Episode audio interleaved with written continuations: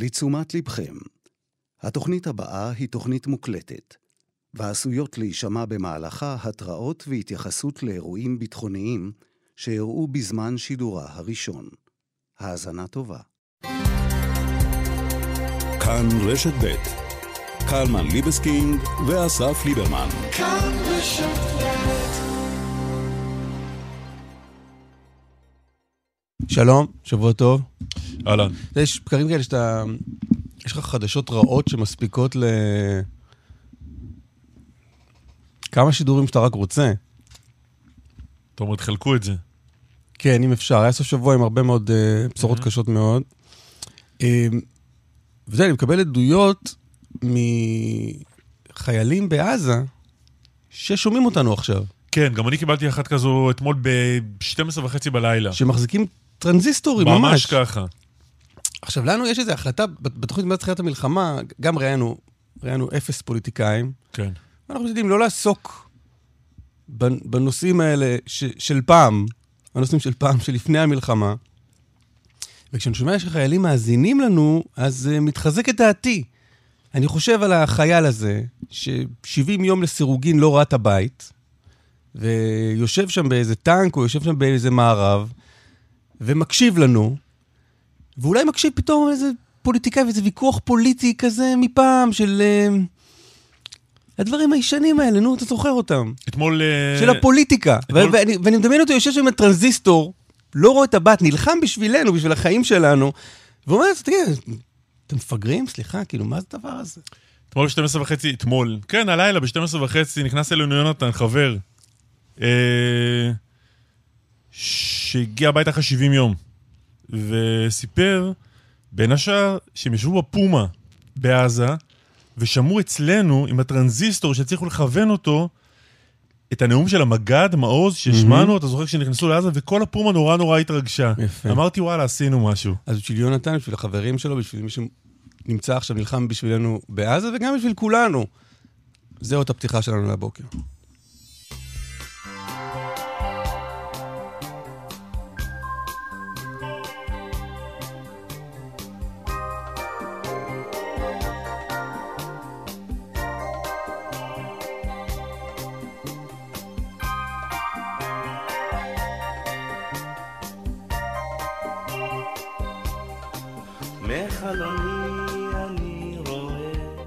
רחוב כמו נהר גורם, ואנשים לעבודת יומם הולכים. ותינוקות של בית רבם, עם הילקוט שעל גבם, ובידיהם כמה ענפי הדס פורחים. פתאום זה בא הוא מתבהר, ולעצמי אני אומר, לא, לא, לא תנצחו אותי, לא מנצחים אותי כל כך מהר. לא, לא, לא תנצחו אותי, לא מנצחים אותי כל כך מהר.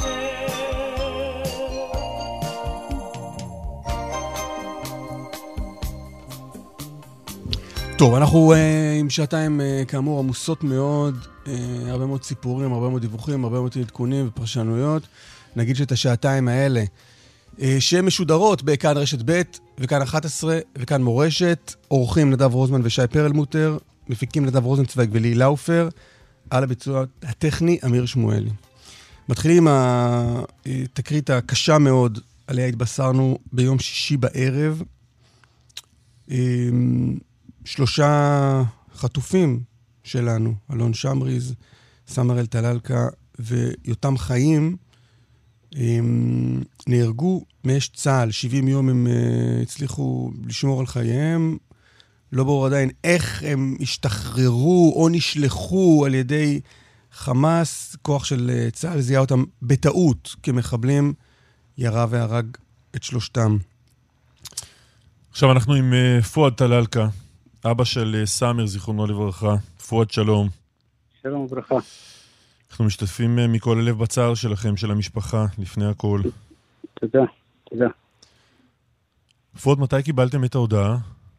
חיסלנו אותה ביום אה, שישי, בסביבות שש וחצי, שבע, ככה. באו אלינו הביתה ונתנו לנו את הדעה המרה הכי קשה בחיים. מה סיפרו לכם? כמו, שמדברים בתקשורת, שנרצח על ידי הצבא בטעות, כי חשבו שהם, שהם מחבלים, ושסמר זוכר נרצח איתם ביחד. הם שני ישראלים, ושלושה היו ביחד. זה הדבר היחיד שאמרו לכם? סיפרו לכם עוד משהו? אולי זה, זה מה שאמרו. אמרו, היו רוצים לברוח, או ברחו מהבית, אני לא, לא מבין, אני לא, כשהתחילו לדבר אני לא התחלתי לתפקד ולא מבין שום דבר, ועד עכשיו אני עדיין לא מבין שום דבר, הראש שלי לא איתי עד, עד עכשיו, להגיד לך את האמת, אני עוד רק רוצה, אחרי שאני נרגע, את היומיים, שלושה עד מחר, אחר כך אני יכול לדעת בדיוק מה מי. אחר כך אתה אומר, אחר כך אתה אומר, תתחיל לשאול שאלות, קודם אתה צריך להירגע קצת. כן. זה כש...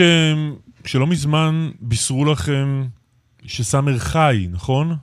כן, לפני שבוע היה ברשת 12 תוכנית עם התאילנדי שסאמר חי וחי ובריא ובסדר, והייתה לנו תקווה, תקווה חזקה ש... שהוא יצא לנו בשלום. ואמרנו ברוך השם שהוא חי. הייתה תקווה גדולה מאוד לנו. אותו תאילנדי שהשתחרר, היה איתו, בעצם איתם עם שלושתם כן, יחד, כן. ו- וסיפר שהם חיים והם בסדר. כן, כן סיפר, והיה גם סמר מתרגם, מתרגם מעברית לערבית. היה מתרגם להם.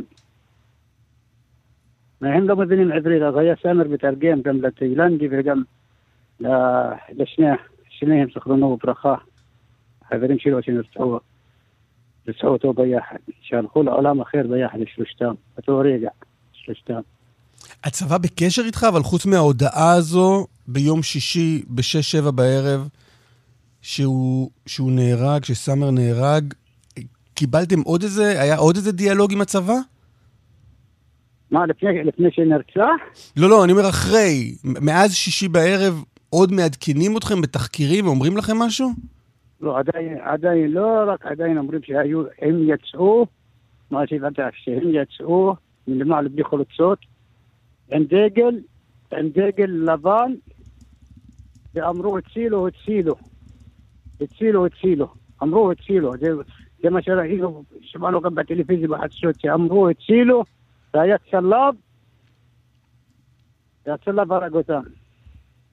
אבל גם הצבא, ששמעו מילת הצילו, הצילו, הצילו, ואנשים עם דגל גם, גם הצבא, רואים, הצילו, ועם דגל, ואין, ואין, ואין חולצות למעלה, אז צריכים קצת להתחשבן. או גם, גם הצבא חש, חשבו שהם, שהם מחבלים, או יש חגורת נכס, שיכול להיות דברים כאלה. אני לא מבין, לא, גם הצבא צריך אה, להתחשבן בזה. אין להם לא, שום דבר ביד, לא נשק, לא שום דבר. ואין דגל, מדברים בעברית, הצילו, הצילו. מבין? יש עוד דברים שחשוב לך לדעת על מה שקרה שם, ואתה לא יודע? אני, מה אני צריך לדעת? זהו. אם אני יודע, זה לא יעזור לי עכשיו. זכרונו וברכה, רק רוצה להביא זכרונו וברכה כל הזמן, וזהו. אין, אין, אין, אין, אין, אין, אין, אין, אין, אין, אין משהו. מה יעזור לי אם אני אדע או לא יודע? אם אני, אם יש דברים שאני רוצה לדעת ויחזור לחיים, אז זה מקובל. אם היה חטוף, חטוף וחי, אז אפשר, אפשר לדבר. עכשיו זהו, זהו. הלך לעולם, לעולם אחר. לא, עכשיו הוא לא איתנו, עזב לו להתראות. יצא מהבית, יצא מהבית שלנו חי וחזר, חזר גופה אתמול. פול, ספר לנו קצת עליו, על הילד. מה? ספר לנו עליו, על סאמיר. היה בחור נחמד, הכל, הכל, הכל אוהבים אותו, הכל מת עליו. בחור שמח, בחור התחיל להכין את עצמו לעתיד. הכל, هي اقل اقل كلهم عم ابن كلهم دورك مش دورك مش تحت الطلال القلبات كلها نيجب كلها نيجب كعب لهم عليك كعب لهم عليك بقلال بقلال شو شو بخور اكلوا بيموتوا بقام بقلال قام شو شايع بمقام عبودة شيلوه لك قوتوا من مقام عبودة شيلوه الا ما حبيمش الحماس شلك قوتوا من مقام عبودة شيلوه بكيبوت بني رام كل بني رام فيها يا بن ادم عبيد עובד, לא, לא להגיד שהצבא או היה מסתובב סתם ולקחו אותו, לקחו אותו ממקום של הפרנסה שלו עם, עם תאילנדי. עם תאילנדי. לא, לא, לא, לא, לא, לא, לא לקחו אותו. אבל אני חייב להגיד, אה, היה בצבא ונפל בידיים שלהם. אתה מבין אותי? אבל זה לא... זה לא חייל, היה אזרח, אזרח ישראלי, וגם הממשלה לא עשתה שום דבר מההתחלה, ואני רוצה לפנות גם עכשיו הבן שלי זכרו בברכה זהו נפטר, אללה ירחמה, כמו שאומרים בערבית, אבל עכשיו תצילו מי שנשאר חי, אתה לא יודע אם הדרך שלהם חס וחלילה תהיה כמו הדרך של הבן שלי, תצילו אותם, תצילו אותם לממשלה. אני מבין על הממשלה, תצילו את מה שנשאר, מה שנשארו חיים. זה כואב, כואב. כואב למתי? עד שכולם, עד חס וחלילה שכולם יחזרו בשקיות? למה הממשלה לא תעשה את המאמצים, תציל את מה שנשארו חיים? פואד טלאלקה, תודה רבה לך ושוב uh, תנחומים מכולנו. בבקשה. רועי שרון, שלום. בוקר טוב. עוד uh, תובנות של צה"ל מהאירוע הזה? בצה"ל מתייחסים לזה כאל תקלה מבצעית קשה וכואבת. מי, שירה, מי שירה בהם קודם כל היה צלף או כלה, שזיהה אותה ממרחק של בערך 50 מטר כשהוא נמצא בתוך קומה שנייה, בתוך בניין שנתפס על ידי צה"ל, והוא בעמדת צלפים ומרים משקפת ומזהה אותם וחושד בהם, ככה לדבריו, שמחבלים, צועק מחבלים גם, ואז יורה בהם. וזהו, וזה מספיק? כלומר, הצלף שמזהה אותם בטעות כמחבלים, צועק מחבלים, ומשם בעצם גורלם נחרץ? אה, במקרה הזה כן. זה מאוד תלוי בקור הרוח של, אה, של מי שמחזיק את הנשק, של הצלף, של הכוח, של אה, שיקול הדעת שלו במלחמה. גם במלחמה הזאת היו טעויות בשיקול דעת של מפקדים ושל לוחמים. לא, נדמה לי רועי שמה שאסף התכוון לשאול זה האם הוא, אה, הוא מחליט לבדו, וברגע שהוא זיהה את מה שזיהה, זהו זה. או שהוא צריך לקבל אישור ממישהו. קודם כל אומרים בתחקיר שהירי הזה בוצע בניגוד מוחלט להוראות הפתיחה באש. אז אני לא יודע ספציפית על הקלה הזה, אם הוא היה צריך לבקש אישור או לא, אבל חיילי צה"ל בתוך, אה, בתוך מלחמה, בשטח שיש בו לחימה כבר חודשיים, לחימה קשה, בטח בסג'איה, אחרי התקרית הקשה שהייתה שם בשבוע שעבר עם גדוד 13, חייל שמזהה מחבל, חושש לחייו, לא צריך עכשיו אישור, אה, mm-hmm. אישורי ירי, זה מלחמה. מה שהתחלתי להגיד שזה קרה כבר בכמה תקריות במלחמה הזאת, שלוחמים או מפקדים אה, עשו טעות בשיקול דעת, וזה עלה באבדות קשות. היו מקרים כאלה, וגם כאן היה פה, הייתה, היה, הייתה פזיזות והיה ירי בניגוד להוראות הפתיחה באש, והמחיר היה יקר, אבל צריך לזכור את הסיטואציה, ולכן כל מיני השוואות הן לא במקום, כי, ה, כי כאן צריך... השוואות למה? הייתה השוואה לתקרית בטרמפיאדה של ירושלים, של יובל קסטלמן. Mm-hmm. אני חושב שאין כאן מקום באמת להשוואה, אני לא יודע, לא דיברתי עם החייל, לא פגשתי אותו, לא, אני לא יודע מה הוא אמר, מה בדיוק הוא חשב, אבל באופן, אה, רק אה, בתנאי מעבדה ש, שאנחנו מדברים עכשיו, אין בכלל מה להשוות סביבה אזרחית ביציאה מירושלים לסג'איה, המקום הכי מסוכן ברצועת עזה שבוע שעבר, הכי מתוח, לוחמים שנמצאים כבר חודשיים בתוך לחימה, ויכול להיות שיש טעויות ש... בסוף, בסופו של דבר, הן לא באות מאותו מקום של, של מישהו שעושה טעות בשיקול דעת בסביבה אזרחית, במקום כל כך פשוט. ולכן עדיין מוקדם לקבוע מה היה שם, אה, מה קרה שם בדיוק מבחינת המצב הנפשי של החייל שירה. האם, אה, מה, מה עבר לו בראש באותו רגע כשהוא צועק מחבלים, למרות שהוא רואה את שלושתם בלי חולצה ועם דגל לבן. כי באמת היו שם מחבלים מתאבדים שבוע שעבר, שניגשו לחיילים, התקרבו לחיילים, והם לא היו חמושים. הייתה להם חגורת נפץ, אבל לא, לא ראו את זה נגיד במשקפת. היו כל מיני ניסיונות של אה, פיגועי משיכה, מערבי משיכה באמצעות נשים וילדים, שניסו לגרור את חיילי צה"ל לתוך מלכודות של חמאס, כשמישהו יושב שם מחבל עם כוונת באיזה, במרחב. ולכן ה... עדיין מוקדם לדעת בדיוק מה, מה קרה שם באותן אה, שניות קריטיות, שבסופו של דבר הובילו לשרשרת של טעויות. על זה אין מחלוקת. שרשרת של טעויות ושבניגוד להוראות הפתיחה... ואיך זה עובד? עכשיו, תוך כדי לחימה צה"ל מתחקר את האירועים האלה? את זה כן. בדרך כלל יש, יש תחקירים מבצעיים אחרי כל טעות, גם אם זו טעות של כוח שהחליט לא להתייחס לסימן של כלב, הכלב של עוקץ שמסמל להם איפה יש חומר נפץ, ואותו כוח מחליט בכל זאת להיכנס למרחב הזה ו- וסופג אבדות. וגם כאן, כדי אה, למנוע מקרים כאלה בתוך המלחמה, אז יש תחקירים גם תוך כדי המלחמה, כדי להפיץ את הלקחים לכוחות שנמצאים אה, בתוך רצועת עזה. גם במקרה הזה, הלקחים כאן מאוד חשובים. הרי מי, אף אחד בכלל לא אמר לחיילים לפני זה, ב, כשיש תדריך לפני משימה, אבל תשימו לב שאתם לא יורים בטעות בחטופים שמטיילים פה ברחוב, ואולי הם הצליחו להיחלץ מהמחבלים, או שהמחבלים נטשו אותם.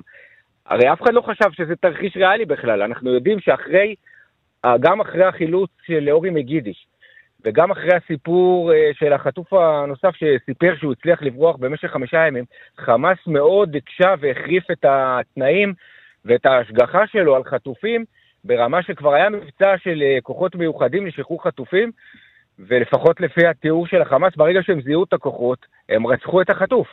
הם לא לוקחים את הסיכון הזה, מבחינתם חמאס מאוד רוצה לשמור ומשתדל לשמור טוב על החטופים שלו, ולכן זה לא היה תרחיש בכלל ריאלי בשביל הכוחות, מה הסיכוי שכוח יפגוש עכשיו חטופים שמטיילים ברחוב של סג'איה. אז זה לא עלה, עכשיו זה בטח שזה יעלה. אנחנו גם לא יודעים מה קרה שם, נכון? כלומר, איך, איך, אה, איך נולדה הסיטואציה שבה הם אה, יוצאים החוצה ומטיילים ברחוב? אה, לא יודעים, ויכול להיות גם שלא נדע, אבל התחילה איזו שמועה גם שאולי חמאס שלח אותם ככוח פיתיון ואמר להם לא, לא, לא לצעוק ולא שום דבר, כי אחרת uh, תקבלו כדור בראש, אז זה דווקא, זה פחות ריאלי, כי הכוחות שסרקו שם, הרי הכוחות מיד הוקפצו לשם וזיהו, אחרי ממש, אחרי דקה-שתיים, זיהו שמדובר בחטופים ולא במחבלים. ובמרחב הזה לא נמצאו מחבלים. יכול להיות שאתמול היה איזה בית, נמצא שם בית, שבעצם הוא הותר כבר שלשום, שעליו נכתבה כתובת SOS והצילו בעברית. ואתמול, או אני חושב שאתמול זה היה צריך כבר לקרות, אה, שלחו לשם אה, כוח עם אה, מז"פ, עם זיהוי פלילי, כדי לבדוק האם אותם שלושה חטופים שנורו בטעות, האם הם יצאו מה, מהבית הזה שנמצא 200 מטר מהזירה. ואז אולי זה יוכל קצת לשפוך אור, אם כן, אבל לא בטוח שהם יצאו משם. כן. טוב, בואו נדבר על uh, פרסום הנופלים של הבוקר. Uh, זה טקס שקורה כאן uh, כמעט מדי בוקר. שני חללים ששמותיהם הותרו לפרסום, והודעה נמסרה למשפחותיהם, רב סמל ראשון במילואים יוסף אבנר דורון, בן 26 מירושלים, אה, נפל בצפון רצועת עזה, אה, ורב סמל במילואים שלו זלצמן, בן 24 מרמת ישי. מה, הוא נפל בדרום רצועת עזה. מה אתה יודע להגיד על התקריות האלה? לא הרבה מעבר למה שכתוב. אה, יוסף אבנר דורון הוא שירת, ב, זה נקרא הבלנ"ם, היחידה לניוד מבצעי, זה בעצם אה, נהגי ניוד של כלי רכב מבצעיים שנוסעים בעומק השטח ומסיעים כוחות ולפעמים כוחות מיוחדים. כאן נכתב עליו שהוא שירת כלוחם איסוף יהודי בש, בשייטת 13. ולגבי אה, שלו זלצמן מרמת ישי, לוחם בחטיבה 55. חטיבה 55, חלק מאוגדה 98, נלחמת באזור אה, ח'אן יונס. ובעצם נכנסה לראשונה לרצועה בתחילת ה... אחרי הפסקת האש, כשהכוחות החלו לתמרן באזור דרום הרצועה, וגם החטיבה הזאת, כשבאוגדה 98 מתמרנים באזור ח'אן יונס, ושם אנחנו יודעים שיש אה, לחימה, בנוסף ללחימה הקשה בצפון הרצועה, גם באזורים האלה. טוב, אה, מילה ומילה חשובה על מה שקורה בצפון. אתמול אה, נפל שם לוחם שלנו. בצפון יש לחימה, היא בלתי פוסקת. מאז שחזרה גם אחרי הפסקת האש, ואתמול באמת היה שיגור של חיזבאללה, שני מל"טים אה, מתאבדים שהצליחו לצערנו לפגוע באזור מרגליות בכוח צה"ל. וכתוצאה מהירי הזה נהרג רב סמל בכיר במילואים, יחזקאל עזריה, כשמל"ט, מל"ט אה, מתאבד שחיזבאללה משגר מלבנון, הורג אותו, ובאירוע הזה גם נפצעים גם אה, שני לוחמי אה, מילואים נוספים, שהודעה נמסרה למשפחותיהם, ובעקבות זה, צה"ל תוקף שם, תוקף שם אה, הרבה, גם תקיפות יזומות נגד חוליות של חיזבאללה, וגם תקיפות אוויריות, וגם בעקבות תקריות וירי של חיזבאללה, וגם כשיש הזדמנויות. וכל הסיפור הזה שנמצא בין, בין שטח ישראל לגבול, לאזור, לאזור של הליטני, יש שם הרבה מאוד הצלחות, צה"ל מדבר, ישראל, אנחנו מדברים על בערך 120 חוליות של חיזבאללה שנורו מאז תחילת המלחמה. חיזבאללה מפרסם מדי פעם את מספר ההרוגים מהצד שלו, וכרגע יש מגעים מאחורי הקלעים, מגעים מדיניים להגיע לאיזה סיכום עם לבנון ועם חיזבאללה, עם חיזבאללה כלומר, להפסיק את הלחימה שם, אבל התנאים האלה עדיין לא ברורים. רועי שרון, תודה רבה. תודה. מרגלית מוזס, שלום. שלום בוקר טוב, מה שלומך? שלומי עכשיו בסדר. כמה זמן מאז שחזרת אלינו? אני חזרתי לנעלה הראשונה ב-24 לדצמבר. רגע, אנחנו קצת עם כן. בעיית קליטה כלשהי. תחזרי שוב ותנסי אולי לשפר את איכות הקו. אני חזרתי ב-24 בדצמבר. בנובמבר. נובמבר, סליחה, כן. איך את? ספרי קצת על, ה... על החיים אחרי. מתאוששת ממה שהיה, ומשתדלת לחיות את חיי הרגילים. שזה אומר מה? איך, איך נראים החיים עכשיו? כרגע אני נמצאת אצל אחי, ומפנקים אותי הרבה. עדיין יש לי את כל הטיפולים שהיו לי בבית חולים, ממשיכים הלאה בטיפולים הנפשיים, ו... כן, משתדלת לחזור למה שהיה לפני. מה היה הכי קשה שם? להיות במנהרות, להיות במנהרה בלי לראות אור יום, אה, כמעט שבעה שבועות, זה קשה. אתה לא אוכל את האוכל שאתה רגיל, אתה לא, אה, לא יכול לזוז, הימים אה, מתבלבלים לך, אתה סובל מכל מיני דברים שכרגיל אה, לא סבלת מהם. החוסר ידיעה מתי תשוחרר, חוסר ידיעה מה קורה בקיבוץ, חוסר ידיעה מה קורה עם בני המשפחה. אתה מנותק לגמרי מהכל. אתה רק נמצא בתוך המנהרה באיזה חדר, וזה מה שקורה. היית ממש מנותקת מהכל? כלומר, כל החדשות, כל העדכונים על מה שקורה במלחמה, על מה שקרה בקיבוץ, על מה שקרה במדינת ישראל, הרחבה יותר מהמקום שבו את היית באותו בוקר? מה שקרה בקיבוץ הייתי מנותקת לחלוטין. לחמאסניקים ששמרו עלינו, הייתה להם באיזה שלב, הם הביאו אמ, איזה מסך של אל-ג'זירה, אז יכולתי להקשיב לחדשות ב... בערבית, ואחר כך הם גילו לי שיש גם חדשות באנגלית, אז הם היו קוראים לי כשיהיו חדשות באנגלית, וככה יכולתי לקרוא את הכותרות בלי להסתכל על הזוועות שמראים, כמו שכרגיל טלוויזיה שלא פרו-ישראל אה, יכולה להראות. אז דרך החדשות באנגלית ודרך אל-ג'זירה, כן היית מודעת למה שקורה כאן? הייתי מודעת כי הם יותר דיברו על מה שקורה ברצ... ברצועת עזה עצמה, מאשר בישראל. Mm-hmm. ישראל הם הזכירו פעם אחת את זה שישנם לישראל אה, 1,200 הרוגים על היום הראשון. שזה משהו ו... ששמעת לראשונה שם? כן, את זה שמעתי לראשונה שם. איך הגבת? איך אני הגבתי? כן. אה, זה היה קשה לשמוע, והמספרים אה, אחר כך בדיעבד הסתברו לי שהיו יותר גדולים אפילו. זה היה קשה לשמוע את זה. הקיבוץ שלך ספציפית נפגע מאוד מאוד קשה. לא היית מודעת לזה? מעבר, ל... אמ, מעבר למה שקרה סביבך? אמ, בהתחלה לא הייתי מודעת, עד שממקום אחר שבו היו עוד אנשים מניר עוז, הגיעו לה, הגיעה אלינו, היא הייתה אחות, והיא באה לחבר אינפוזיה לאחד החברים שהיו איתי, וממנה שמעתי ש... רגע, חטופה, חטופה שהייתה אחות באה לחבר אינפוזיה?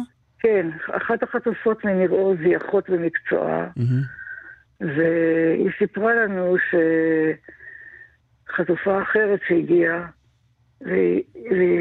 והוא עברה אליהם, סיפרה ששרפו מכוניות ושרפו בתים, והיה מאוד קשה לשמוע את זה. את כל הזמן היית באותו המקום, באות, באותו חדר, בחדר הזה במנהרה? אני הייתי כל הזמן בחדר באותה מנהרה. באותם הימים, ויכולתי ללכת קצת בתוך המנהרה עד מקום מסוים. בערך 75 צעדים הלוך ועוד 75 צעדים חזור. ספרת אותם. ודאי שספרתי אותם, מה יכולתי לעשות? זה היה משעמם אה, סתם ללכת. הייתי צריכה לדעת שאני הולכת לפחות איזה כמות, אז עשיתי את זה שלוש פעמים, הלוך חזור והלוך חזור. כדי שיהיה איזה כמות של הליכה, שזה, כי זה היה הספורט היחידי שיכולתי לעשות שם בפנים. מהסיפור שלך אנחנו מבינים שלא היית לבד, כלומר היית עם עוד אנשים בכלל ומהקיבוץ שלך בפרט. כן. אנחנו, אני הייתי בקבוצה של אנשים שקראנו לזה צמודי רופא, ובהתחלה היינו שבעה, למחרת כבר היינו חמישה, וכעבור שבועיים שחררו שתי בנות מאיתנו, שתי נשים, יותר נכון, כי אחת הייתה בת 85 והשנייה בת 79, אז זה לא היו חבר'ה צעירים. מה זאת אומרת שהייתם שבעה ואחר כך חמישה? אה, שניים מתוך, מתוך השבעה היו מקיבוץ אחר והעבירו אותם, פשוט למחרת אמרו להם לקום והעבירו אותם למקום אחר, לא ידענו לאן העבירו אותם. והקבוצה הזאת של השבעה, נחטפתם ביחד והועברתם ביחד למנהרה הזו? לא. לא נחטפנו ביחד, כל אחד אה, נחטף לחו"ל, וחוץ מזוג, ש... זוג נשוי שהם אה, נחטפו יחד. אבל uh, הגענו בהתחלה, אחרי שהכניסו אותי ל... למין... אני, נכנסתי, אני נחטפתי לבד והובאתי לבד. והצטרפתי לאולם שבו היו כל מיני חבר'ה מרוז ועוד כמה מקיבוץ נירים,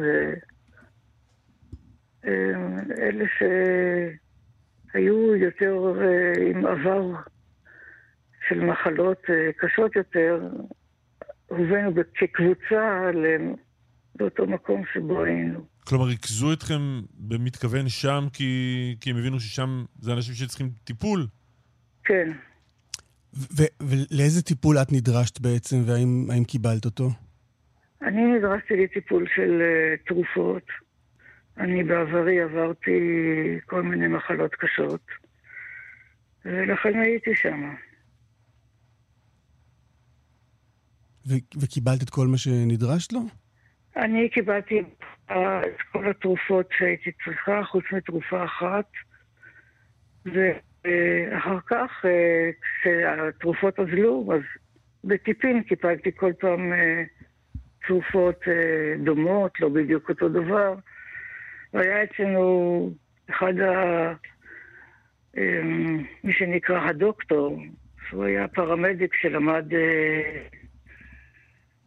יותר, כך, אז הוא הכיר טוב את התרופות, אז הוא אמר לי שזו תרופה מקבילה לתרופה שלי.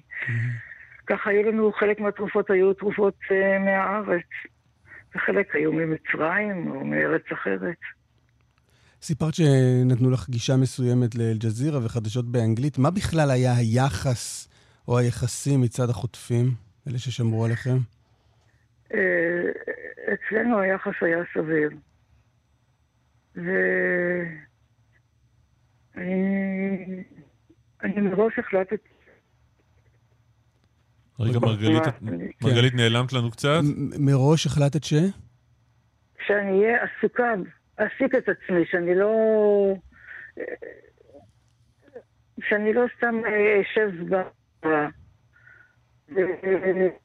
אני עזרתי כל האנשים שהיו איתי ככל יכולתי, אם בדאגה שיקבלו את התרופות, mm-hmm. אם בדאגה שיהיה לנו מזון, שיהיה בגדים להחלפה, שנוכל להתרחץ. למזלנו, אנחנו היינו במקום כזה שגם הייתה בו מקלחת עם שירותים, וגם אה, היה מין מטבחון ששם בישלו עם מזווה, ואנחנו היינו במצב כזה שאני יכולתי להגיד, אני רוצה את זה או את זה. כל זה במנהרה. כל זה במנהרה, בחדר של במנהרה, כן.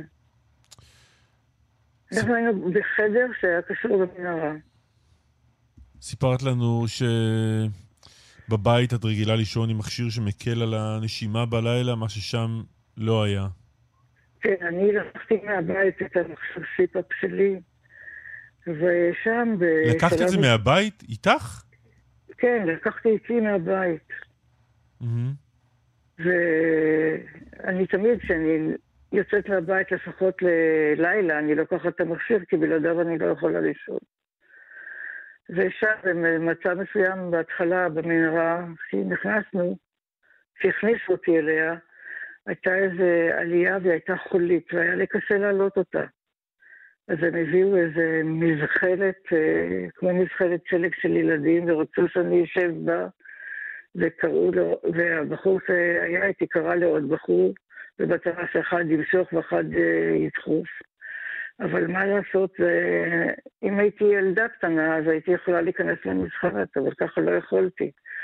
אז אחד ה... אז הבן אדם השני שהגיע חטף ממני את המכונה, ולמרות שהסברתי לו שזה החמצן שלי, אז זה לא עניין אותו כל כך. ואז הייתי בלי חמצן, ולכן גם לא ישנתי את כל הימים שהייתי שם. מה זאת אומרת? איך אפשר לא לישון כל כך הרבה ימים? מדי פעם נמנמתי קצת, אבל uh, חמש דקות, עשר דקות, אבל לא, שינה אמיתית לא ישנתי כל הימים. זה קשה, זה קשה, אבל uh, זה היה המצב, לא יכולתי לישון. מרגלית, ספרי לנו על ה... על הדרך שעשית מהבית ועד לאותה מנהרה. איך בכלל לקחו אותך מהבית? כשאני שמעתי בחוץ את הקולות ויריות וכל מיני דברים, וידעתי שישנם מחבלים בקיבוץ, כי ברשת הפנימית של הקיבוץ הודיעו לנו. וסגרתי את הממ"ד ככל יכולתי. והם פרצו תריס ודלת זכוכית טובה, וכששמעתי את הזכוכיות מתנפצות, אז כבר הבנתי שנכנסו אליי. ואני יודעת אה, מעט ערבית, אז אמרתי לו שבסדר, שאני באה ושלא לא יעשו רעש, לא צריך לעשות רעש, אני באה איתה. ובהתחלה היה איש אחד שאמר לי שהוא מהתנזים, ושאני לא אפחד כי הוא מהתנזים והכל יהיה בסדר. תנזים זה מרגיע. מה, הוא חשב שזה מרגיע. אותי זה לא הרגיע, כי מה, מבחינתי תנזים או חמאס או הג'יהאד זה היה אותו דבר. אנשים שבאו לחטוף אותה מביתך, אותך כן, מביתך. ו... כבר ראיתי שמפרקים לי טלוויזיה, וראיתי ש... שהוא לא לבד, הבן אדם. הוא היה עם נשק אמנם, אבל אה, הוא, הוא היה בסדר. מבחינה זאת שהוא לא עשה לי שום דבר רע, והוא ראה שאני באה וקמה, ונתן לי אפילו להחליף את הכותונת בבגדים.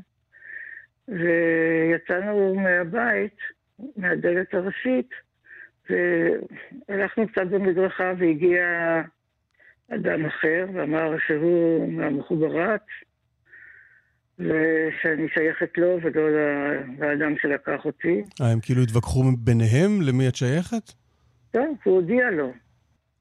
המחוברת זה אנשי המודיעין של החמאס, והם אה, השולטים בכוח mm-hmm. שפרץ מניר עוז. ולאן הוא לוקח אותך? כלומר, איך, איך, איך הוא... אה, בשלב מסוים אה, הוא עצר אדם שהיה על קלנועית גדולה, כזאת שמשמשת את אחד האנשים אצלנו בקיבוץ.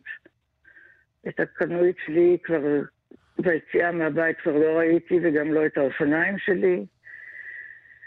וככה הושיבו אותי על הקלנועית הזאת, שהיה נהג, קלנועית, והוא מחוברת.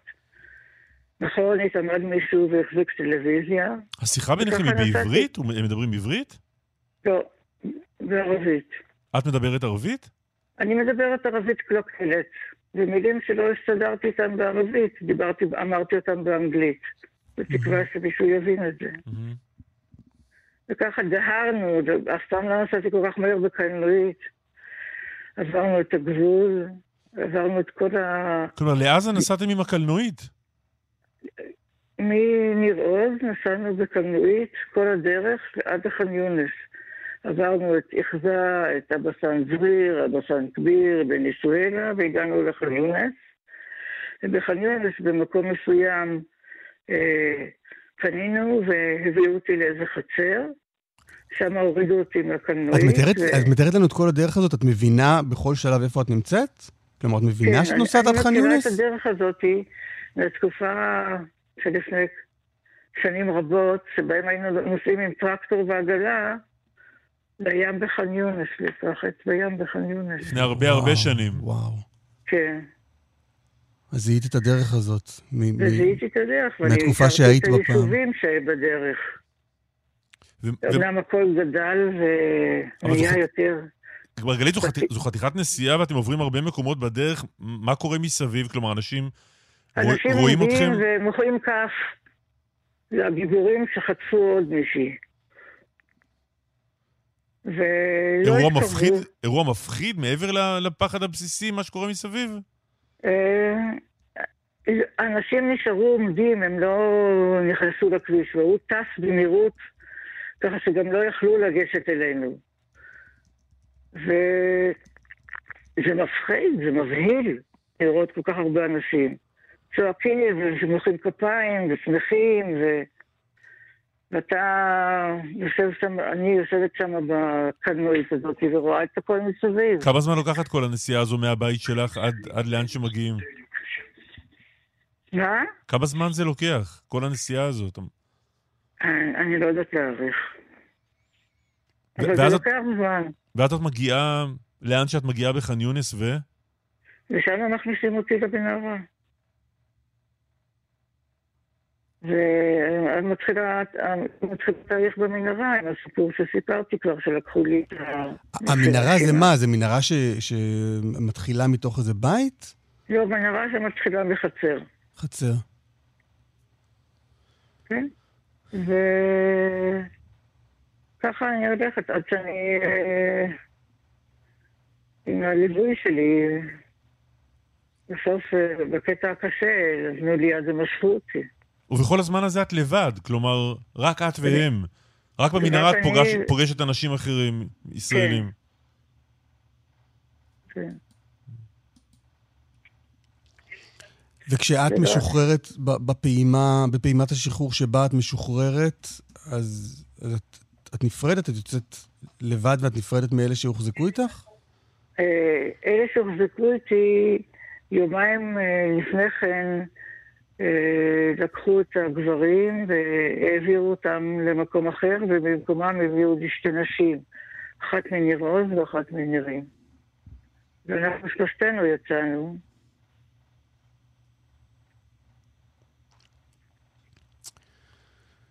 מרגלית. כן. תודה רבה שדיברת איתנו. בבקשה. תודה, תודה לך. ואנחנו מאחלים הרבה, הרבה בריאות. יום טוב. תודה רבה. שלום, שלום. דוקטור מיכאל מילשטיין, ראש הפורום ללימודים פלסטינים במרכז דיין, אוניברסיטת תל אביב, שלום, בוקר טוב. וואי, שקראתי את כל... מה, שומעים אותך? שומעים אותך? פעמיים. פעמיים. וגם אותי. אלה דברים שצריכים אה, להיות מהודהדים. כן, שוב ושוב ושוב. אה, טוב, בוא נגיד עכשיו שלום ובוקר טוב לדוקטור מיכאל מילשטיין. לא. לא, יש לו בעיה בטלפון. חשבתי שאם אתה תגיד את זה, אז אה, זה יעבוד יותר טוב. צריך, חשבתי שאם מישהו סמכותי יגיד את זה, אז uh, מיכאל uh, יתרצה. כנראה לא מספיק סמכותי. יכול להיות, אתה רוצה להביא שנביא... מה שמשיגים אותו, מה היית מציע לא, לעשות? לא, אתה רוצה שנביא את ארי גולן? אם ארי גולן יפנה למיכאל מישן, אולי זה יעבוד. טוב, רק נגיד, אה, מיכאל מישן שעולה כאן אה, אחת לתוכנית, אפשר באמת לדבר איתו במובן של איך הצד החמאסי, כלומר איך הצד הסינוארי רואה כרגע עסקה אפשרית נוספת לחילופי אה, שבויים. שאלה אבל... יפה, דיון יפה, סוגיה יפה, כן. בוא נשמור אותה אולי לשעה הבאה. בינתיים נגיד שלום לחן ביאר כתבנו בצפון. חן, שלום. שלום, בוקר טוב. מה קורה בצפון אה, הבוקר?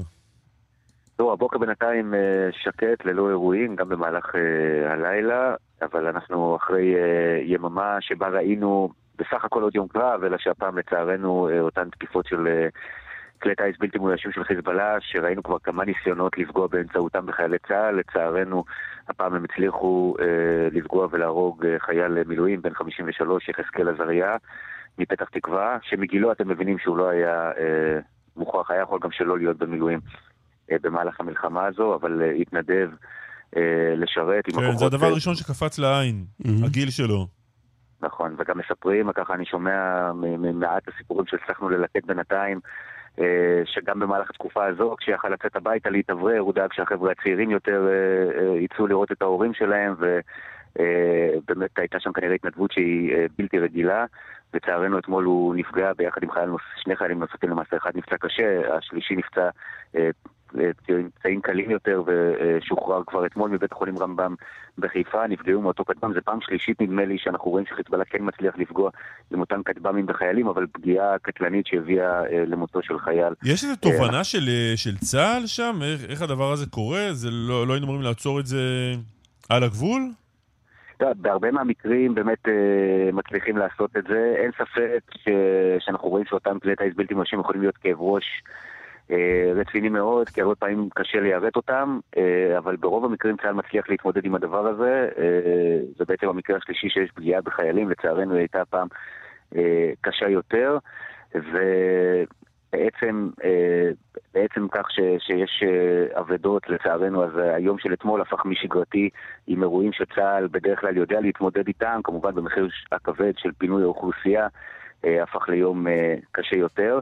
ברקע יש כל הזמן דיבורים שאנחנו לא יודעים מה טיבם כל כך, אבל שמעתם גם את ראש הממשלה מתייחס לזה אתמול, אה, לאיזשהו ניסיון לייצר הסדר דיפלומטי שיוביל להפסקת הלחימה בגבול הצפון. אני שומע הרבה מאוד חשדנות אה, גם מצד ראשי הרשויות, מטבע הדברים מצד התושבים לאפשרות שהסדר כזה אכן יהיה, וגם אם כן, הרבה סימני שאלה שכרגע אין להם מענים יותר מדי, מי יהיה בדיוק הגורם שיחצוץ בין היישובים לבין חיזבאללה.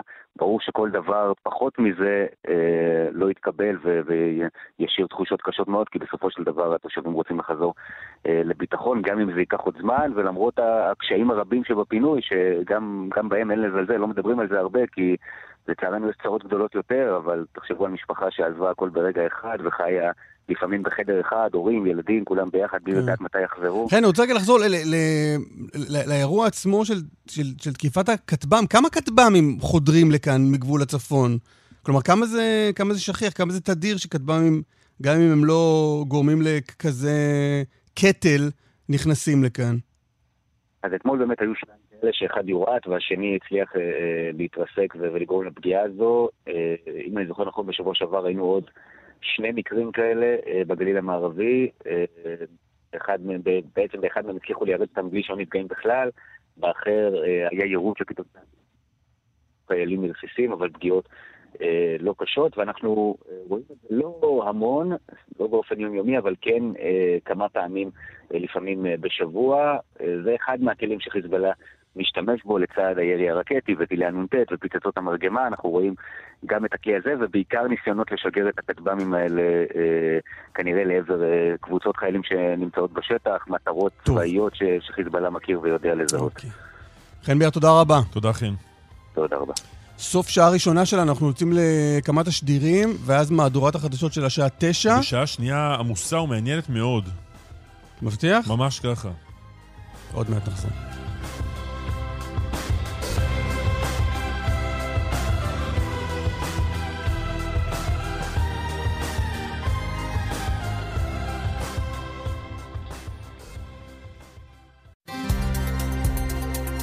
כאן רשת ב' קלמן ליבסקינג ואסף ליברמן. כאן רשת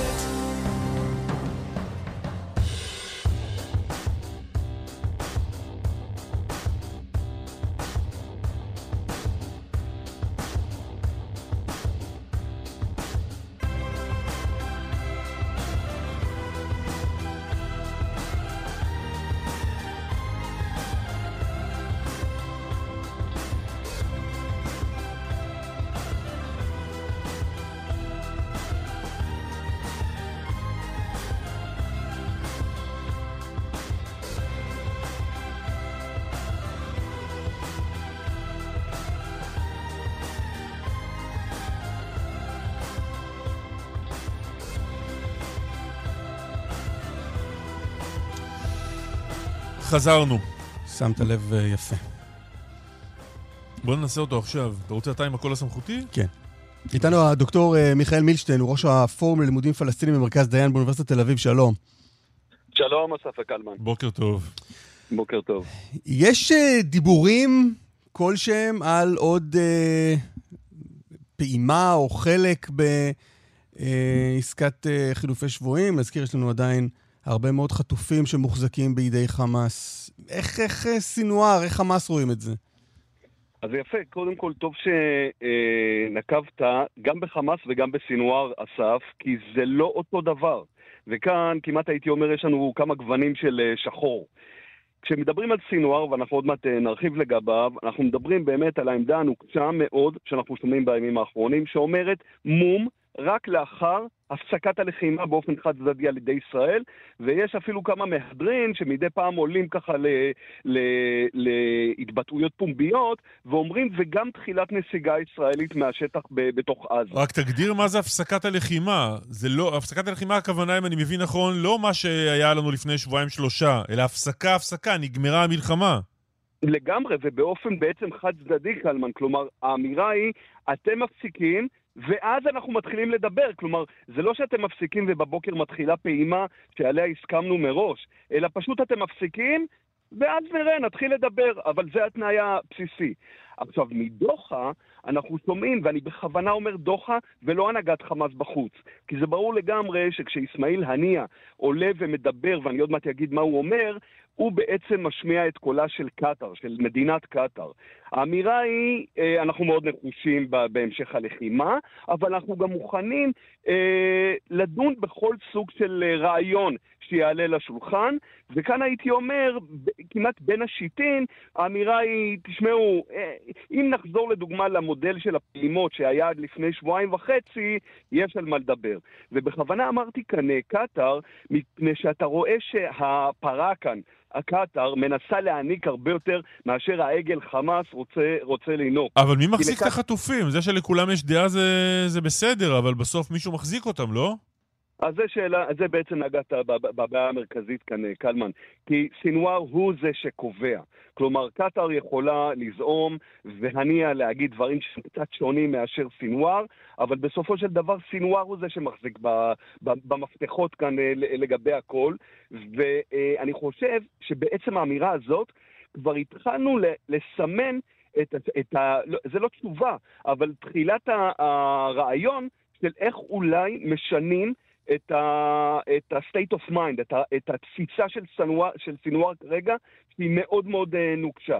וכשמסתכלים באמת אה, על, על נקודת המבט שלו, 72 יום אחרי תחילת הלחימה, על איך הוא בכלל רואה את כל, ה, את כל הסיפור הזה, גם של המלחמה וגם של העסקה, אני חייב לומר, אני, אני משתדל כאן להיות מאוד זהיר ואני משתדל להגיד איך הדברים נראים מנקודת ראותו, בסופו של דבר הוא יצא לג'יהאד הגדול בשבעה באוקטובר, הוא ממשיך להילחם, הוא ממשיך לשרוד, הוא אה, רואה אה, שפה ושם יש אפילו חברים שלו שכבר אה, לא, לא איתנו, אה, הוא רואה את ההרס וההרג, אה, הוא גם רואה את הלחץ או את המחאה הציבורית שמתחילה בישראל, והוא אומר לעצמו, מבחינתי, הזמן כרגע משחק לטובתי. אני לא רוצה להיראות כלחוץ, ואני לא רוצה להיראות כמי ששם אה, עסקה על השולחן. וכאן לדעתי, אנחנו מתחילים לשאול את השאלות, רגע, אז, אז איך הוא יתחיל לשנות את, ה, את, ה, את התפיסה הזאת שלו, שלפיה הוא יכול גם, גם אה, שנים להמשיך באותו, באותו מצב. ואני חושב שיש כאן. לא, כלומר, דברים... אבל רגע, אני... שתי שאלות, תבחר אתה כן. על מה לענות. קודם כל, מה שאמרת קודם על קטאר, לקטאר יש בכלל תפקיד כאן? כלומר, אם לקטאר יש מנוף השפעה ולחץ על חמאס, זו מדינה שהחזיקה אותו בחיים והביאה. להתעצמות חמאס כל השנים האלה. למילה שלהם יש השפעה? כן, אבל מה השאלה השנייה בעצם, אסף? השאלה השנייה היא שבזמן שאנחנו מדברים, ו- ונתניהו מקדיש אה, אמש חלק נכבד מכל מסריו, ליום שאחרי, ומה הוא יאפשר ולא יאפשר ליום שאחרי, סינואר שהוא מועד כל זה במנהרה ואומר, שטויות, אני פה כדי להישאר? אתם מדברים על היום שאחרי, אבל אני פה גם ביום שאחרי? אז אני אתחיל מהשאלה השנייה, אסף. אני חושב שלפחות סינואר עצמו כרגע אומר לעצמו בוודאי, אני חלק מהיום שאחרי, אולי אני אפילו היום שאחרי. עכשיו, אני חושב שמבחינה הזאת, ועכשיו אני מתחיל אה, להתכדרר למגרש הקטרי, הוא כאן שונה מאשר קטאר, שמתחילה לחוץ שהנכס המניב שלה, שנקרא שלטון חמאס, מתחיל להתערער, ויכול להיות שהישראל הזאת היא טיפה יותר משוגעת ויותר רצינית ממה שהייתה בעבר, ולכן יכול להיות שהפרויקט הזה אה, לא יהיה איתנו בחודשים, שנים, שנים הקרובות. וכשאתה שואל לדוגמה, אסף, את השאלה האם לקטאר יש אה, מנוף ש, של ממש כדי להתחיל לכופף את אה, סינואר, אז אני אגיד את זה בצורה הבאה והזהירה. Uh, מבין כל הגורמים החיצוניים, הגורם שהוא הכי uh, אינטימי מבחינת השיח שלו ובעל ההשפעה הכי גדולה על חמאס בכלל, וכולל על סינואר, זו קטאר. אבל זה לא השפעה שהיא uh, מוחלטת. גם, גם במקרה הזה... לא, אבל אני, אתה, אתה, אתה מבליע בדברים שלך אמירה לא פחות חשובה, והיא שחמאס זה הנכס המניב שלו, והוא לא כל כך מהר רוצה לגרום לזה שחמאס ייעלם. נכון, נכון מאוד, ו- ותראה, אסף, בכל השבועות האחרונים, כשעולה אותו אדם שנפגש uh, בימים האחרונים עם ראש המוסד, מוחמד זסני, שהוא בעצם היום הדמות הפוליטית הבכירה, ראש הממשלה הקטרי, אה, לרעיונות, הוא אומר, חמאס תהיה ביום שאחרי, והוא גם קצת רומז על איזה טריק מסוים, הוא אומר, חמאס גם תעבור שינוי, מטמורפוזה, איזה סוג של קוסמטיקה, כלומר, הוא כבר בעצם מתחיל להכשיר את חמאס ליום שאחרי. כי מאוד חשוב לקטארים שהנכס הזה יישמר, ו... שהם עצמם ימשיכו אה, להשפיע על הזירה הזאת, כי, כי, כי גם הם שמעו בשבוע שעבר את ראש הממשלה בוועדת חוץ וביטחון, לא מאזכר את השם שלהם בתור המדינות שימשיכו או ישפיעו על עזה ביום שאחרי. הוא ציין את האמירויות והוא ציין את סעודיה. ומהבחינה הזאת אני חושב שחשוב מאוד לקטאר, באמצעות הנושא של המשא ומתן על, ה, על, ה, על החטופים, לפרוץ כרגע לקדמת הבמה. אני לא אומר, הם לא, הם לא ישכנעו את חמאס לעשות אה, סוג של אה, אה, מהלך ויתור מטורף עבור כלום, אבל הם כן ינסו להמחיש שהם נורא נורא נכסיים, שהם נורא נחוצים. אוקיי. ואני חושב... כן, מיכאל, אבל בוא, בוא ננסה כן. רגע לסכם את כל מה שדיברנו בדקות האחרונות לכדי משהו שדומה לשורה תחתונה. לגבי הסיכוי שיש מהצד שלהם רצון לעסקה, איזה עסקה ומתי עסקה? אז הייתי אומר ככה, ועוד פעם אנחנו חוזרים, אה, אה, קלמן, לסינואר עצמו. שלושה דברים שממש יכולים להשפיע עליו כדי להגיד, אוקיי, אוקיי, אני מסכים למשהו שנראה כמו ההסדרים שהיו לנו לפני שבועיים וחצי. קודם כל, אם קטאר ממש אה, מתחילה להשתגע ואפילו לדבר על אה, קטיעת יחסים וקטיעת כסף לחמאס, גורם ליחיא סנואר אה, לחשוב. אם ישראל לא רק מתמרנת ומפעילה עוד כוח, אלא בעיקר פוגעת בכוורת הקרובה אליו, שמאוד משפיעה על תהליך קבלת ההחלטות שלו, בין אם זה אחיו או מוחמד דף, אירוע שגם הוציא אותו מנקודת האיזון. עוד דבר ש, ש, שיכול להשפיע, אבל לישראל יש פחות השפעה עליו, זה סיפור של תסיסה עממית רחבה אותנטית נגדו אה, בעזה, אירוע שמתחיל להבהיר לו שהוא כבר לא על קרקע כל כך יציבה, אבל כאמור, הדבר הזה... ואז הוא יהיה אה, מוכן ללכת לעסקה כוללת? אה, אני חושב שאז הוא בעיקר יהיה מוכן להגיד, אה, בסדר, אני כבר נסוג בי מהדרישה האולטימטיבית הזאת של תפסיקו את הלחימה ואז מתחילים משא ומתן, בואו נבחן כל מיני ורסיות של, אה, חז, של חזרה לעסקה, לדוגמה מה שהיה לנו לפני, אה, לפני שבועיים וחצי. אבל כל עוד זה לא יקרה, הוא עדיין בסוג של מרחב נוחות בראייתו, והמלחמה נמשכת. זה, זה התפיסה הבסיסית של, ה, של האדם הזה. מיכאל, תודה רבה לך. תודה לכם. בשבוע שעבר נפל אה, ברצועת עזה רב סמל מתקדם אלישע לוינשטרן, ואנחנו עכשיו עם אה, אלמנתו, הדס. שלום, הדס. שלום, שלום, בוקר טוב. אנחנו משתתפים uh, בצערך, בצערכם, צער המשפחה. תודה רבה. יש הרבה צער להשתתף בו. אז ברוך השם ש... שכל עם ישראל משתתף. תודה רבה. שתפי אותנו קצת במה שעובר עלייך, עליכם, בימים האחרונים? אמ, קודם כל, ברמה, ברמה האישית, אז בוודאי שאנחנו לא מעכלים. אה, אנחנו עטופים בכל האנשים שידענו שאוהבים אותנו. אנחנו, ברוך השם, באמת התברכנו גם במשפחה מדהימה וקהילה מדהימה והרבה מעגלים. וגם מגלים אה, לא מגלים כי ידענו, אבל גם אה, מרגישים את כל עם ישראל. כרגע אנחנו... התחושה האישית שלי זה כאילו, אתם מופתעים? כאילו, לא, לא ידעתם שאלישע כזה? כאילו, לא ידעתם ש, שכולנו כאלה? זה, זאת התחושה שלי. לי היה ברור ש, שבאמת אנחנו כאלה כל הזמן. כי מה, מה, מה את שומעת עליו? ספרי לנו. שהוא היה אדם מאיר פנים, טוב לב, אוהב להקשיב, אוהב להקשיב לדעות מאוד שונות משלו, אה, ישר דרך, בן אדם ש, שבאמת לא היה לו דחוף, אה, לא היה לו דחוף להגיד את דעתו. הייתה לו דעה מאוד ברורה על הרבה דברים, אבל אה, זה לא, זה לא היה לו דחוף. חושבת שהרבה פעמים היינו מדברים בינינו, סתם, כאילו זוג נשוי שמדבר בערב. וכל פעם הייתי אומרת לו, טוב, זהו, ועכשיו אבל אתה, אתה מדבר, אתה, ותמיד הוא היה אומר לי, אבל אני כל כך נהנה להקשיב לך. Mm. ספרי עליו, מה, מה הוא עשה בחיים?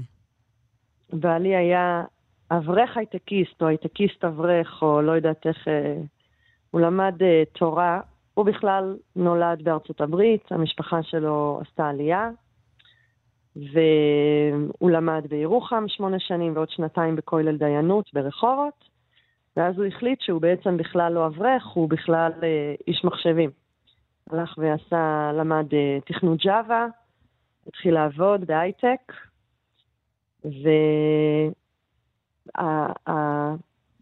והייחודיות של בעלי הייתה שבאמת הוא לא, הוא לא בזבז זמן בכלל. זאת אומרת, הוא היה קם בארבע, ארבע וחצי, תלוי מתי ותיקין, כדי לרוץ, ארבע פעמים בשבוע היה רץ, לפני ותיקין, מתקלח, מתפלל, בא הביתה, מתארגן לעבודה, יוצא, עובד תשע שעות, חוזר, רמב"ם יומי, מדריך נער בר מצווה במסגרת צוהר, לפעמים היה לו חברותה, אמ, בטח הוא עשה עוד מיליון דברים שעכשיו אני לא זוכרת, היה אחראי פה על הלו"ז של הבית כנסת, ולמד תורה, והיה גם מאוד חכם, לא רק בתורה, גם השקיע בהרבה תחומים. אה, אפילו סיפרתי אתמול למישהו שהייתה לו אפליקציה של אה, פעילות גופנית. אז אני מקווה ש, שכולם עושים פעילות גופנית, אז מי שעושה יודע שבין פק"ל לפק"ל יש הפסקה. אז נגיד אתה עושה 20 שכיבות צמיחה, ואז יש דקה הפסקה. אז בדקה הפסקה הוא היה קם, הולך לכיור, שוטף כוס וחוזר. ו- וזה אלישע, כאילו, יש פה דקה. אני, אני, אני כאילו בין, בין פק"לים, אני לא עושה כלום. אני נושמת ו... והוא לא, הוא היה קם, הולך, שוטף כוס. קם, מוציא uh, שתי גרביים מהסל ומקפל, וזה ממש אלישע. תכונה משמעותית ממש. מה את יודעת על uh, נסיבות נפילתו? Uh, קודם כל אני יודעת שהוא לא סבל בכלל, שזו הייתה פגיעה ישירה, מטווח קצר, הוא לא, לא היה לו זמן, uh, אני אפילו לא יודעת אם הוא הבין, uh, כל שאר... חברי הטנק, ברוך השם, הם בחיים, אה, בדרגות פציעה שונות, אבל... הוא היה, בת... הוא היה בטנק? בתוך טנק? בעלי תותחן, בעלי mm-hmm. תותחן טנק, אני, מסיבות מובנות, אני לא אגיד, אה, כאילו גדודים ומיקומים, אבל הם אה, אבטחו ציר, ובעצם הייתה התקלות, ובעלי קפץ עם הטנק כדי לחלץ פצועים. הטנק שלו קפץ לחלץ פצועים, ואז אה, נפגע מנ"ט, אה, פגיעה ישירה למסת גוף, לא סבל, זהו, ו... יש, יש לכם שישה, יל... יש לכם שישה ילדים עד אז, שזה משהו נכון. שלפי חוקי צה"ל מקנה פטור ממילואים, זה משהו שהוא חשב עליו? מי ששואל אותי את זה, זה קלמן ליבסקינד, שאני מניחה שהוא יודע שאנחנו אמנם דינא דמלכותא דינא, ואנחנו דתיים לאומיים, מכבדים את חוקי המדינה, ובאמת אה, מאוד מכבדים את חוקי המדינה, אבל אה, יש אה, חוקים בתורה. ו- ומלחמת מצווה זה, זה, זה גם אם יש שישה ילדים. כלומר, זה לא, לא עלתה המחשבה הזו. לא. לא, אנחנו כל הזמן אמרנו, אנחנו האלפיון העליון. יש, אה, שמענו שיש רק אחוז אחד שמשרת במילואים. אז אמרנו, וואו, אנחנו באלפיון העליון, איזה מדהים, כאילו, אנחנו, איזה זכות שאנחנו... באמת, אני ממש מרגישה ככה, אנחנו... אתה רוצה לראות סרט, אז אתה יכול לצאת לדודה, סליחה, יש פה עוד בסדר. חיים וילדים, אז אתה רוצה לצאת לדודה? תלך, עמיחי. סליחה. בני כמה ילדים?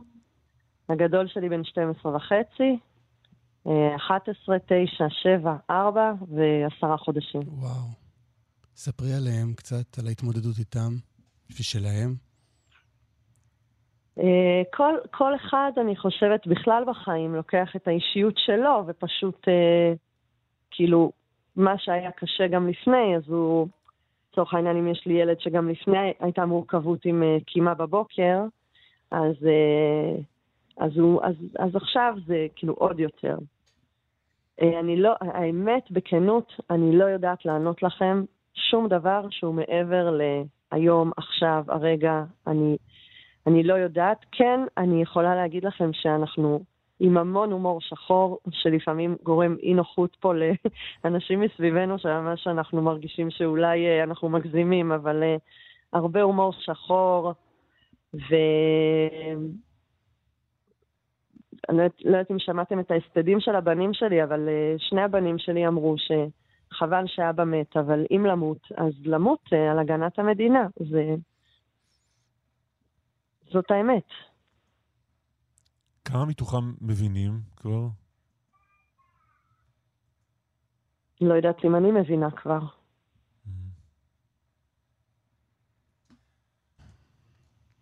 אני, אני מאוד, זאת אומרת שהגיעו לפה מקצין העיר, אז היינו במס, בהדלקת חנוכה משפחתית, הדלקת נרות, וההורים שלי היו פה, ואחותי, ואחיינים, ומיליון אנשים, ואחותי ישר כאילו דחפה אותם לחדר.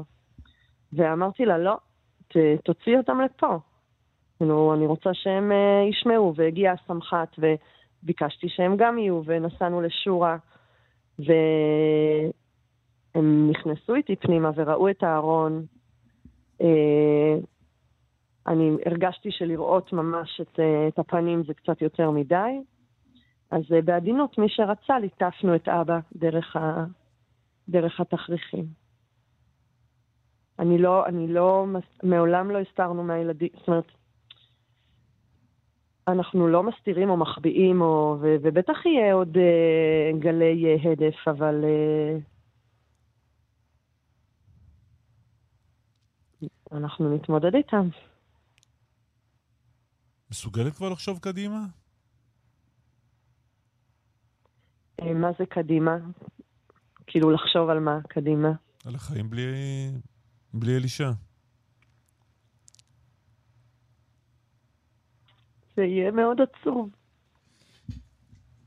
אבל אני לא... אני לא לוקחת את עצמי למקומות האלה, זה רק הרעיונות לתקשורת שלוקחים אותי. אני לא לוקחת את עצמי למקומות האלה. אני כל הזמן אומרת, אני האישה היחידה בעולם שזכתה לחיות איתו, לחבק אותו, להרות לו, ללדת לו ילדים. אני האישה היחידה בעולם שזכתה לזה, וזכיתי לזה 13 שנה נפלאות. נפלאות, הוא היה בעל נהדר. ו... וברוך השם, אני זכיתי, ומה יהיה קדימה? ברור לי שהמציאות מתקדמת, וגם ברור לי שכשבן אדם אה, מאוד ברור לו, מאוד ברור לו המטרה וה, וה, התמונה הגדולה וההסתכלות הרחבה יותר, שבאמת אה, זה לא שהם אה, שנאו את אלישע לוינשטרן, אתם מבינים? הם, mm. הם, זה, זה משהו באמת,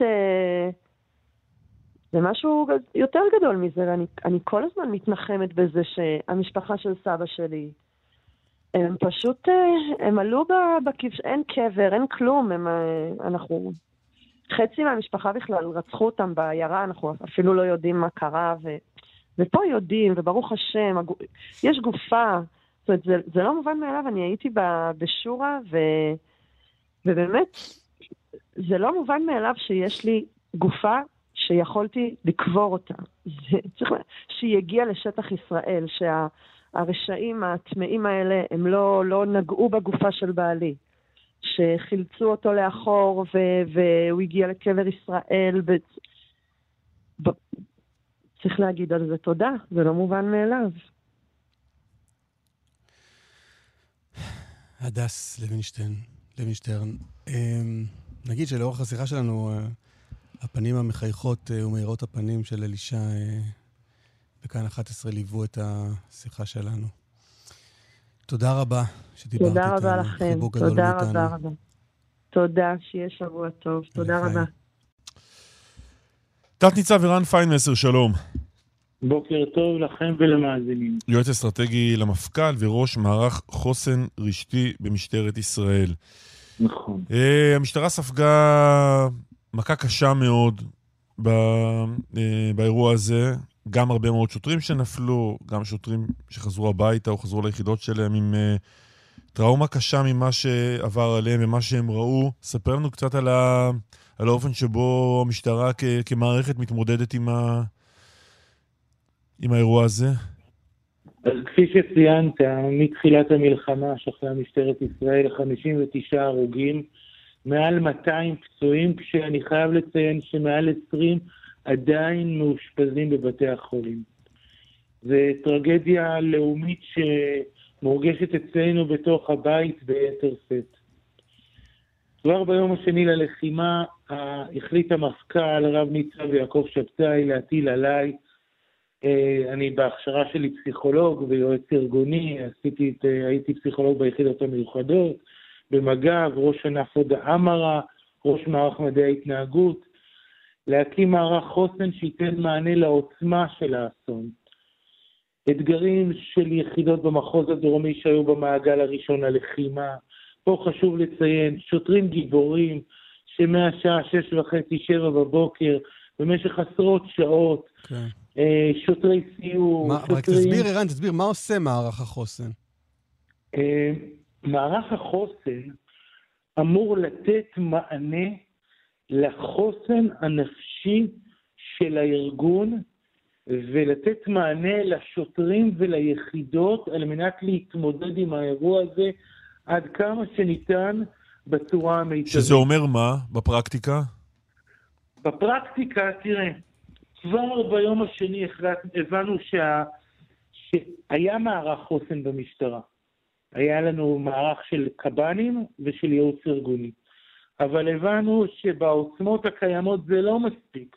זה לא מספיק. אז בפרקטיקה, כבר בשביעי לעשירי הקמנו מוקד טלפוני לשוטרים ולמשפחות, אה, מוקד מגיב. מיד אחריו מענה יזום לשוטרים, למפקדים, ובעיקר ליחידות שנטלו חלק משמעותי בלחימה. התחלנו מהר מאוד בגיוס של מתנדבים, גמלאים ואנשי מילואים לעיבוי המערך. אני קיבלתי החלטה לגייס את מערך הרבנות, שהבנתי שהמרואיין הבא שלכם יציג את זה בצורה באמת הרבה יותר uh, נכונה, אבל אם תרצו נדבר גם עליהם. Uh, הארגון מקיים סטטוס שבועי, שההחלטה שבכל, שכל שוטר בארגון יקבל מענה חוסן, ואני קצת אספר עליו. אנחנו מאוד מאמינים בכוח התרפויטי של הקבוצה. התחלנו עם שיחות של חיזוק ראשוניות, שיחות שהן גם תפורות לפי מידה, סדנאות של שכול. כלומר, שוטרים, שוטרים שמרגישים צורך פונים? בוודאי, בוודאי. פונים כל העת, אני תכף אייחד לזה משפט או שניים. ואז הקמנו שיחות עידוד. מעל 8,000 שוטרים בארבעה מרכזים וביחידות שלהם קיבלו עד היום שיחות עיבוד. חייבים להגיד תודה לאקדמית אונו ולמרכז המורים בבאר שבע ובאשדוד שתרמו לנו את המרכזים שלהם.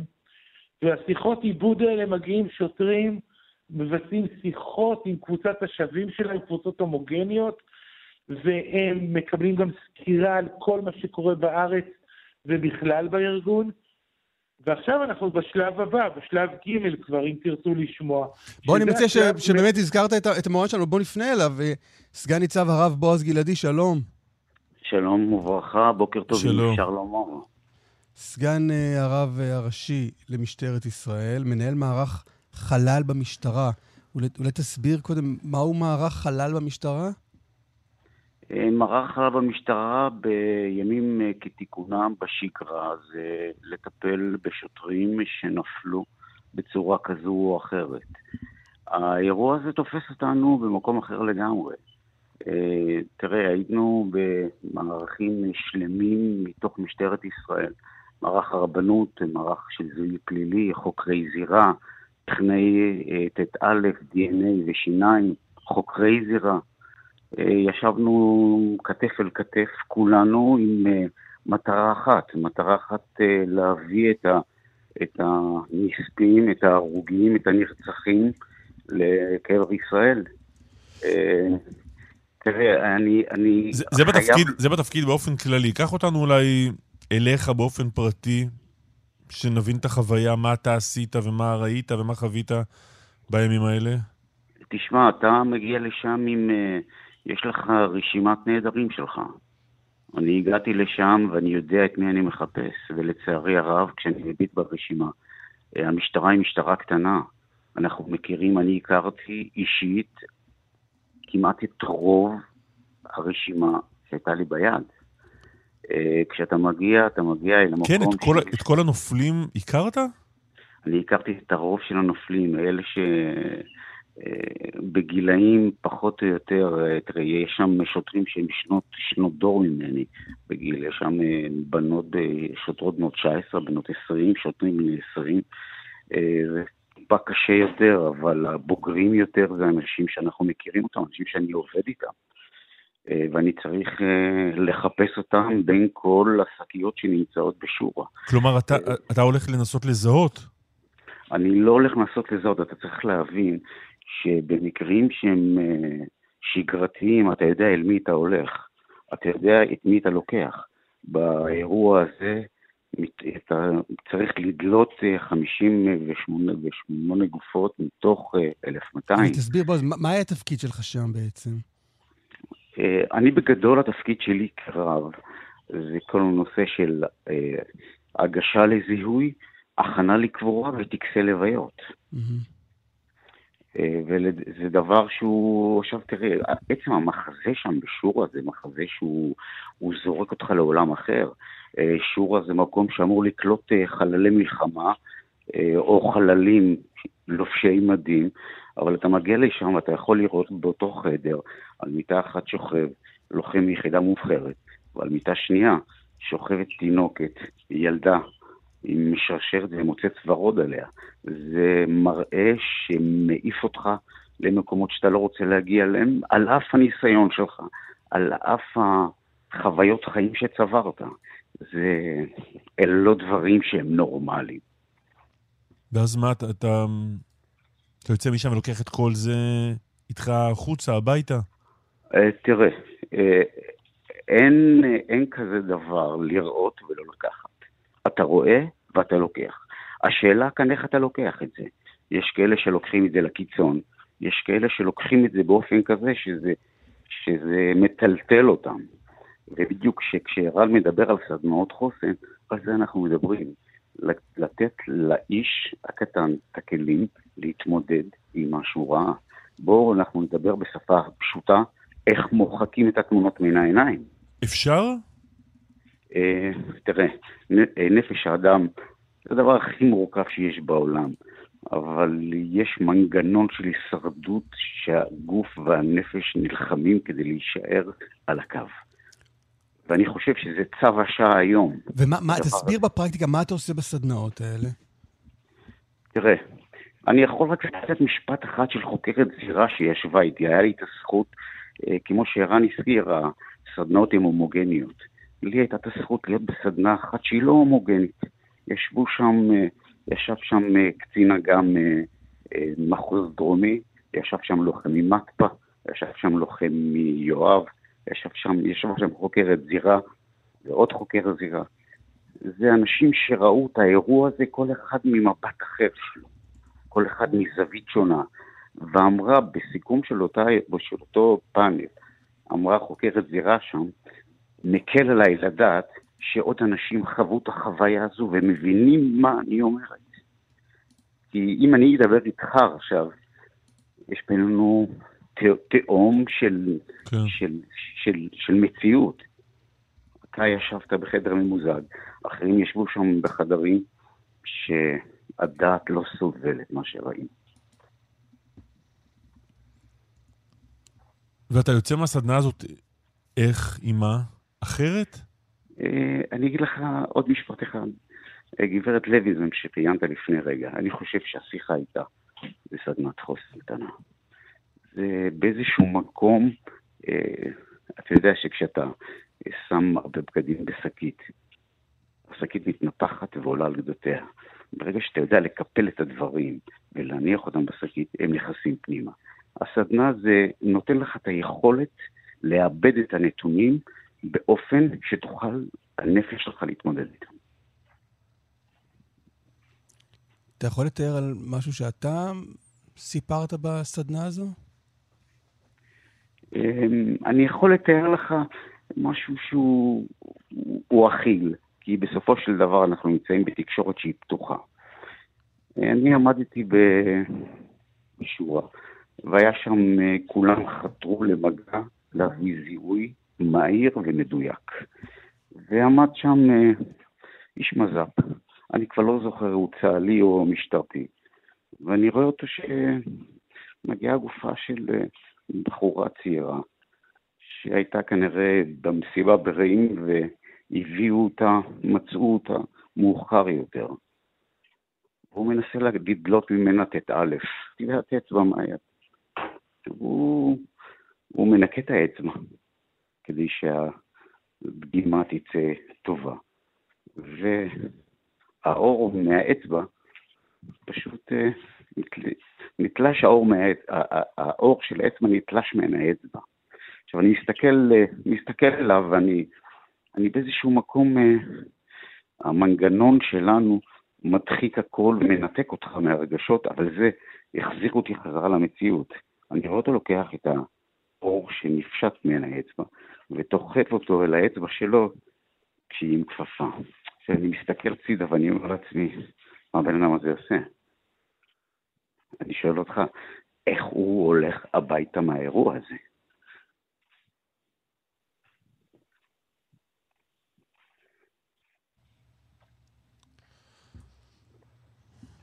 וזה החלק, וזה החלק הרך ביותר של מה שהיה שם. לדברים האלה, כן, צריך, אני חושב שזו אחריות של, של המשטרה, ואני מברך על כך. אני עולה לשידור רק בשביל הדבר הזה, להגיד לאנשים שחוו את החוויות האלה, תדברו, תדברו כשיש לכם מסגרת מושגחת. כן. לפעמים אתה תקבל את הכלים הקטנים כדי ליישר את החיים שלך. סגן ניצב הרב בועז גלעדי ותת ניצב ערן פיינמסר, המון המון תודה לשניכם. אני רק ברשותך, אם אפשר להוסיף כן. משפט. תראו, אין לנו משטרה אחרת. אנחנו פועלים ברגישות, בנחישות ובמקצועיות מאוד גדולה. וצריך לחשוב, לזכור, ובאמת בקצרה, שאנחנו מחויבים לכשירות מבצעית ורציפות תפקודית שלנו. אנחנו חייבים, כמשפט אחרון, להבטיח לכל השוטרים שלנו שאנחנו נמשיך ונטפל בהם לאורך הזמן ככל שיידרש.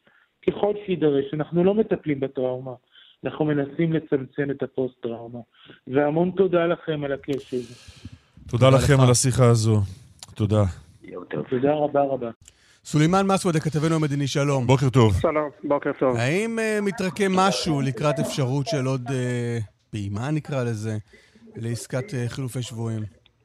Uh, התשובה היא כן, ואת זה למדנו גם uh, מביקורו של ראש המוסד באחד הבירות האירופאיות, שם נפגש עם ראש הממשלה הקטרי אלסני, ועוד עדות uh, זה קבינט המלחמה שמתכנס אמש, ולמעשה ראש המוסד מעדכן את הקבינט על מה שהוא שמע שם, על המאמצים לקדם עסקה. גורמים ישראלים אומרים לנו אתמול קלמן ואסף, שבניגוד לפעם הקודמת שהמתווכות הן אלו שיזמו את העסקה, וכמובן ישראל שיפרה את תנאיה, הפעם ישראל היא זו ששוקלת ליזום uh, את העסקה, מה שתורם לזה זה ההתקדמות הצבאית, אבל וכך גם נאמר לי, התקרית הקשה בשוג'אעיה אמ, גרמה למקבלי ההחלטות, לקבינט המלחמה, להבין שצריך להאיץ במאמצים אה, האלה. עד כדי אה, להציע יוזמה, אה, עסקה. כן, האירוע שהיה ביום שישי שינה, שינה את התפיסה? התשובה היא כן. אמ, ואנשים שעוסקים אמ, במתווה, בקידום העסקה, אומרים שהאירוע הזה מצער מאוד, קשה מאוד, אבל הוא גם סוג של קטליזטור לעסקה חדשה, למתווה חדש, ויש גם קווים מנחים לישראל עבור המתווה הזה. קודם כל מדברים על עסקה הומניטרית דומה לזו שהייתה בפעם הקודמת, כלומר עסקה של שחרורים וגם כמובן ימי הפוגה, אבל זה ממש בהתחלה, והדבר השני זה שחרורם של אנשים והילדים שהיו אמורים להשתחרר בעסקה הקודמת, וחמאס כזכור הפר את ההסכם ולא שחרר אותם. תראו... חלקם כבר גם אינם בין החיים. אני מדבר על מה שפורסם, לא שאני פה יודע משהו חדש. אני, אני, אני מעדיף לחכות במקרים האלה להודעה. לא, לא, לא, אני מדבר על אלה שפורסמו, לא שאני... נכון, אני, נכון, אין לי שום מושג... נכון. נבהיר, אני לא יודע שום דבר. אני מדבר על מה שפורסם. אנחנו מדי פעם מת, מתעדכנים בעוד מישהו שנרצח שם. נכון. לזה אתה התכוונתי. צודק, אתה צודק לגמרי. על כל פנים, אין עדיין מתווה שאפשר להגיד עליו כן או לא.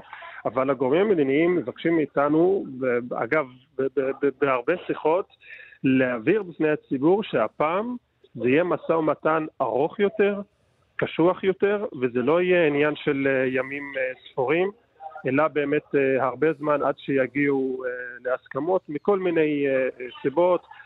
גם חמאס שדורש דרישה שישראל ממש לא יכולה להסכים לה, שזה הפסקת אש כוללת.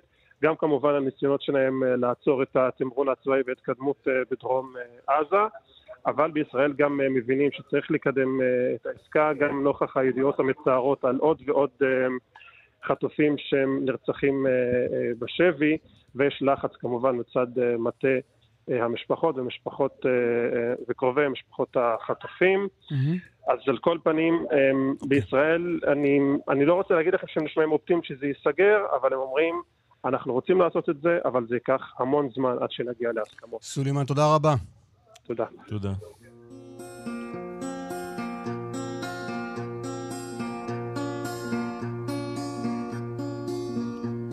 לא שרתי לך ארצי, ולא פארתי שמך בעלילות גבורה.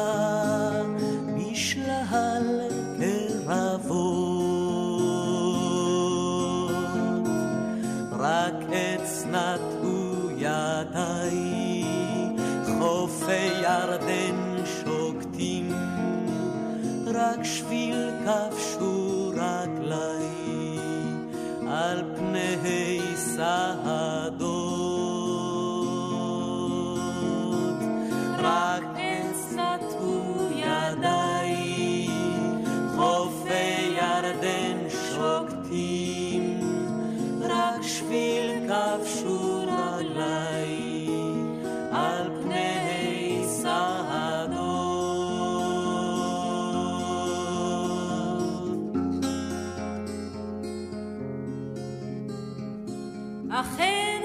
הדוקטור חזי אמיר, שלום.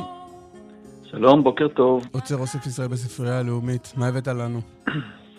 הבאתי לנו אה, שיר, אה, שיר מפעם, אה, אל ארצי, אני מעריך שכל מישהו מעל גיל 50 אה, או 60 יודע את השיר הזה כמעט בעל פה.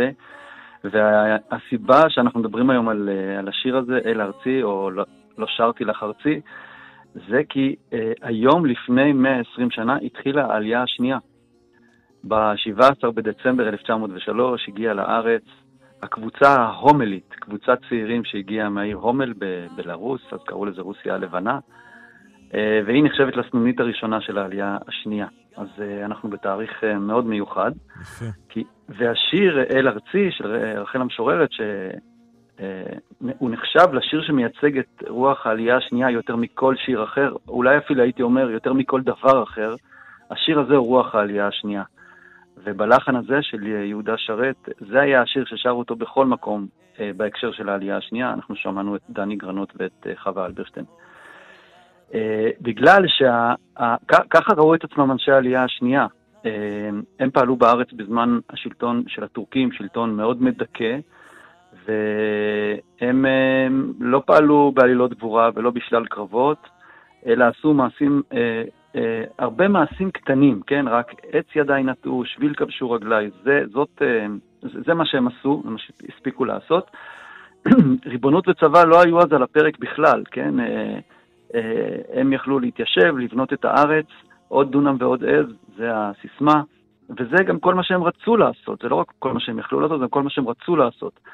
אליהו הכהן, מגדול חוקרי הזמר העברי, ציינו בשבוע שעבר 30 למותו, הוא מצא טיוטה מוקדמת של השיר הזה שבו רחל כתבה, ככה, לא שרתי לך ארצי ולא פארתי שמך, ולא קלעתי זר, ולא הגשתי שי, ולא הצבתי יד, ולא קידשתי קרב. כלומר, לא רק שהכוח לא על הפרק, אלא זה נתפס כדבר שצריך להתרחק ממנו, מכוח. זה, זה, זה מה שהייתה הציונות בימי העלייה השנייה. אה, יותר מזה, כשאנשי העלייה השנייה אה, נקראו להתגייס לגדודים העבריים של טרומפלדור, אה, היה ויכוח גדול, האם זה מה שצריך לעשות או לא צריך לעשות, באמת הרבה לא הסכימו ונשארו בארץ ולא הסכימו להתגייס, בגלל שהמשימה היא התיישבות.